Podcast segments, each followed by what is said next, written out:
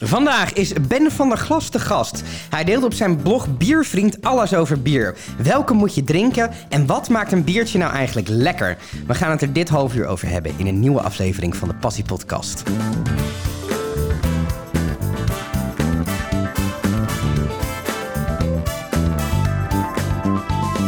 Ben, tof dat je er bent. Ehm, Dankjewel. die achternaam van der Glas, dat is een soort profetisch bijna. Of, eh, Ja, dat zou, had zo moeten zijn, denk ik. Ja. je ouders wisten al dat je later eh, in de bierbusiness wilde. Of, eh, Ik denk niet dat ze dat van tevoren zo hadden gepland. Welkom bij de Passie Podcast. Ehm, wanneer kwam jij erachter dat je iets met bier had?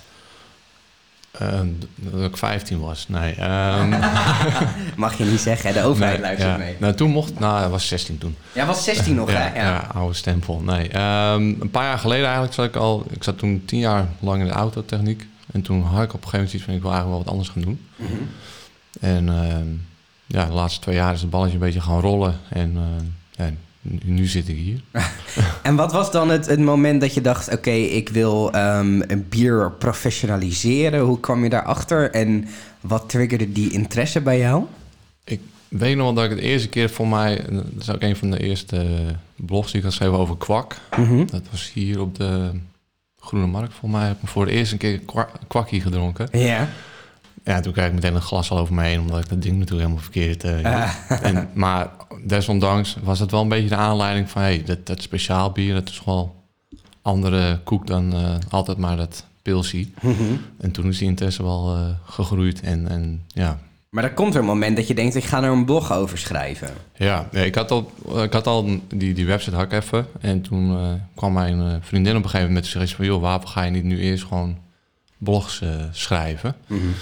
En dat, dat vond ik eigenlijk wel leuk. Mhm. En ehm, ja, zodoende ben ik dat de laatste tijd een beetje gaan doen. Door omstandigheden ja, gaat het nog niet zo snel als ik wil. Maar, Hoe zou dat dan? Ehm, nou, en nu ben ik gewoon met heel veel aan het werk. Om, eh, en, en een half jaar in Australië gezeten. ehm, waar ook de situatie niet altijd even makkelijk was vanwege dat hele corona. Coronavirus, ja. Ja, dus dat, dat is... de- Ja, maar nu eh, alle, Alle hens aan dek. alle hens aan dek en eh, gaan we die banaan. Ja. En ehm, eh, wa- wat voor blog schrijf je dan? Want je, je, je drinkt dan gewoon speciaal biertjes en dan schrijf je daar je mening over op.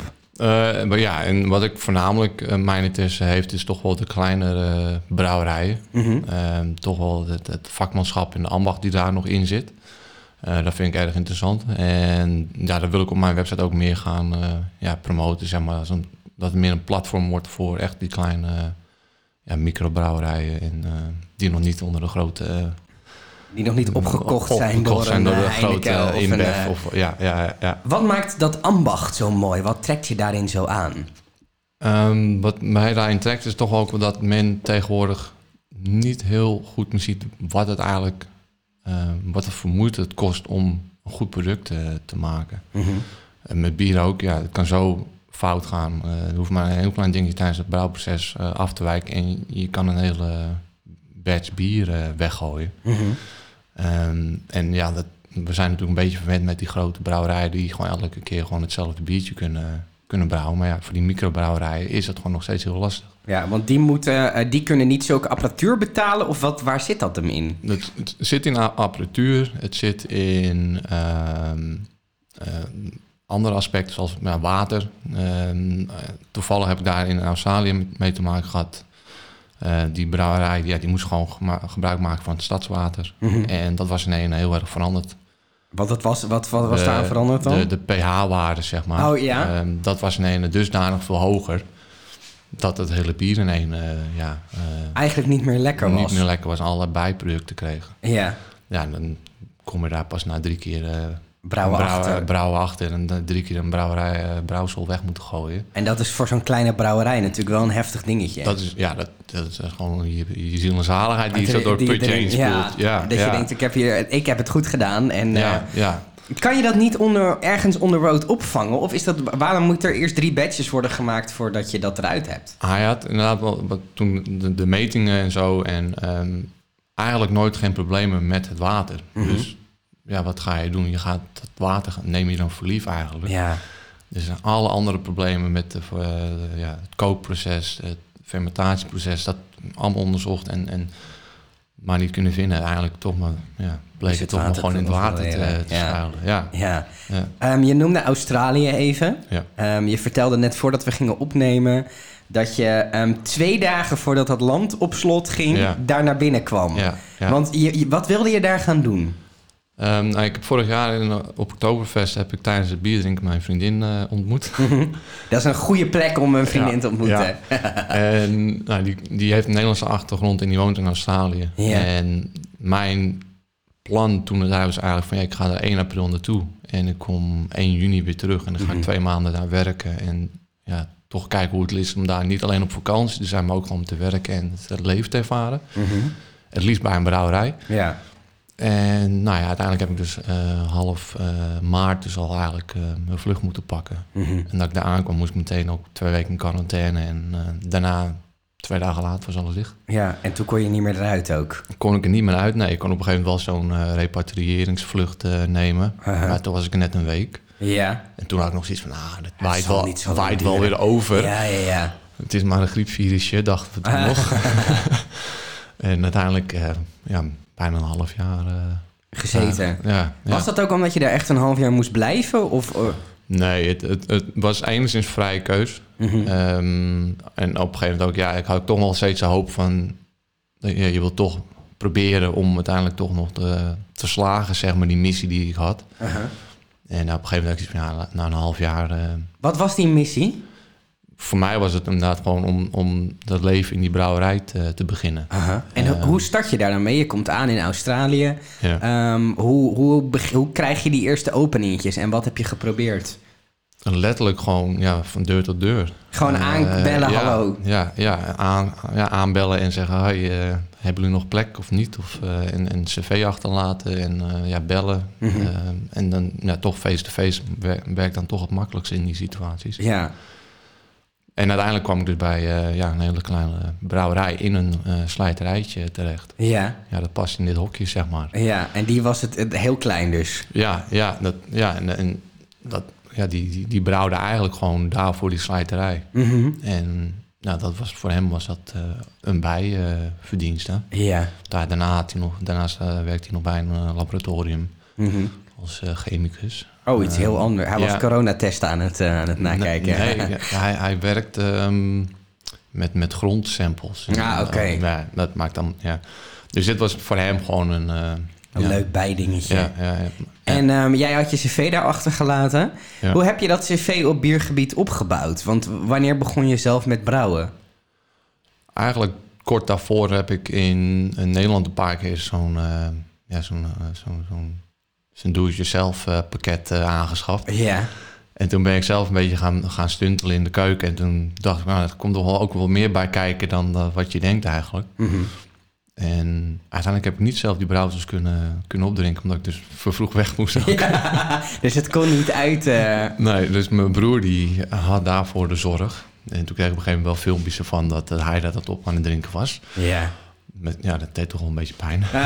dat je zoiets had ik altijd graag zelf af willen maken. Ja, ja, maar ja, Wa- wat greep je zo in dat brouwproces? Want volgens mij is het best moeilijk. het, het is inderdaad heel moeilijk. En wat ik zelf ook heel mooi vind, is dat je van eigenlijk toch wel hele ehm, ruwe basisproducten ja, toch iets heel moois en verfijnds eh, kan weten te maken. Mhm. En ja, dat vind ik zelf gewoon, dat daar gewoon nog zoveel bij komt kijken, vind ik gewoon heel erg mooi. Mhm. ja. en, en ook dat, ja, de, de beleving die je ervan hebt. Hè, Mhm. dat dat, in het zonnestaaltje, dat lekkere biertje. ja, ja, ja. ja, dat, dat blijf je toch allemaal langs bij. En dan wil je daar graag een soort onderdeel uitmaken van de productie daarvan. Ja, ja. Als je zelf kijkt, hoe, hoe start je met het leren van de... Heb je denk ik wel... Heb je wat aan je achtergrond eh, in de autotechniek was het, hè? Als je, want het is natuurlijk ook vrij technisch. Heb je daar wat aan? Ja, want op zich, we moesten dat, dat, waar ik eh, bij die brouwerij bezig was, eh, waren we inderdaad ook dingen aan het repareren, aan het vervangen. En ja, dan helpt een technische achtergrond wel heel erg mee dat je inderdaad weet van hoe een schroefje en een boutje en dat soort dingen Ja, allemaal ja, ja. eh, los moet. Ja.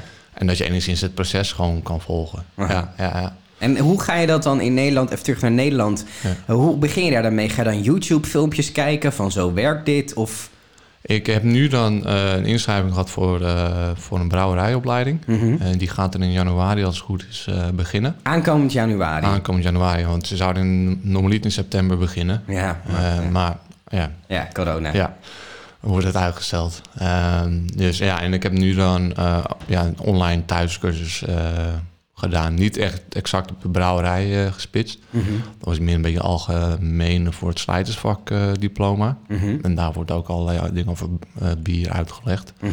Dus ja, zodoende ben ik al een beetje bezig. Thuis begonnen. Ja, en Staat dan je hele woonkamer vol? Of?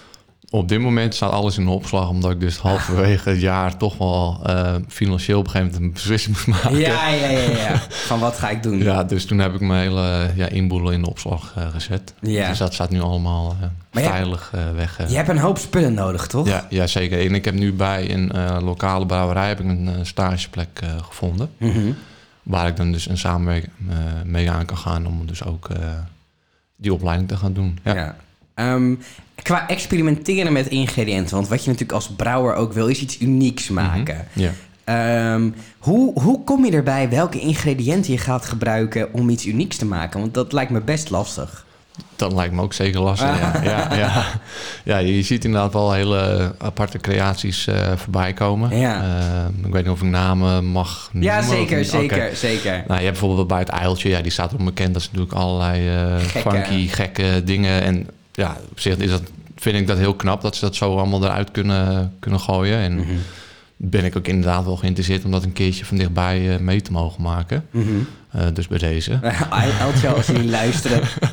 Maar eh, nee, ik, ik, ik, ik zelf ehm, heb zoiets van, als ik het, ik wil het wel echt gewoon goed, goed gaan doen. Ehm, en, en echt bij de basis beginnen. Mhm. Dus eerst gewoon de traditionele, goede, de ouderwetse, zeg maar, eh biertjes leren brouwen. En dan denk ik van, nou, dan kan ik inderdaad wat verder gaan eh, met, met eventuele eh, funky biertjes zoals de uiltje dat doet. Ja, Ja, en dan Ja. een beetje lekker experimenteren. ja, ja. ja, ja. Wij, wij hebben eerder een podcast gemaakt met een biersommelier. ja. En die zei, ehm, pils is eigenlijk het allermoeilijkste bier om te brouwen, omdat die altijd hetzelfde moet smaken. Is dat zo?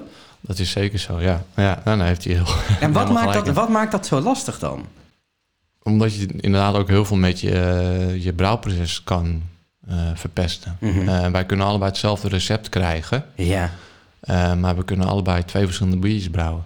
ja. Ehm, als je hem net even op een paar graden hoger of lager hebt gebrouwen, of korter, langer, al dat, soort- ja, dat heeft er allemaal mee te maken. ja. Dus het is heel lastig om inderdaad consequent telkens hetzelfde biertje Te eh, brouwen. te brouwen. Ja. En is het dan juist de charme van, ehm, van kleinere brouwerijen dat ze dat dus dan juist niet doen? Dat, dat, ja, dat, dat is enigszins een charme, vind ik. Mhm. Eh, omdat je toch telkens weer een ander product hebt. Ja, Ehm, en, maar het is ook natuurlijk, ja, als, als brouwer wil je natuurlijk gewoon elke keer hetzelfde kunnen. consistent zijn. Dat Ja, mensen ja, weten, dus dit lekkere biertje kan Ja. ik daar krijgen en die smaakt goed. die- elke keer als ik die haal, dan heb ik gewoon, weet ik gewoon wat ik in huis haal. Ja. ja, Ehm, wat zijn doelen die je wil bereiken? Wat, wat, wat staat er op jouw agenda nu?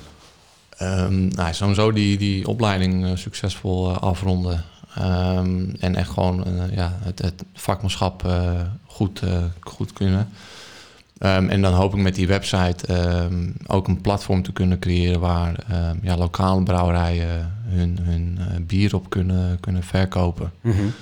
Ehm, ja, en, en in grote lijnen is dat het, eh, wat ik nu zo op eh, korte termijn eh, heb staan. En op een gegeven moment, ja, eigenlijk ook gewoon een eigen onderneming, br- schuin of zeep brouwerij kunnen starten. Gaan ja. creëren. Ja, ja. Wat, ehm, je hebt een hoop speciaal biertjes heb je beoordeeld op je website inmiddels.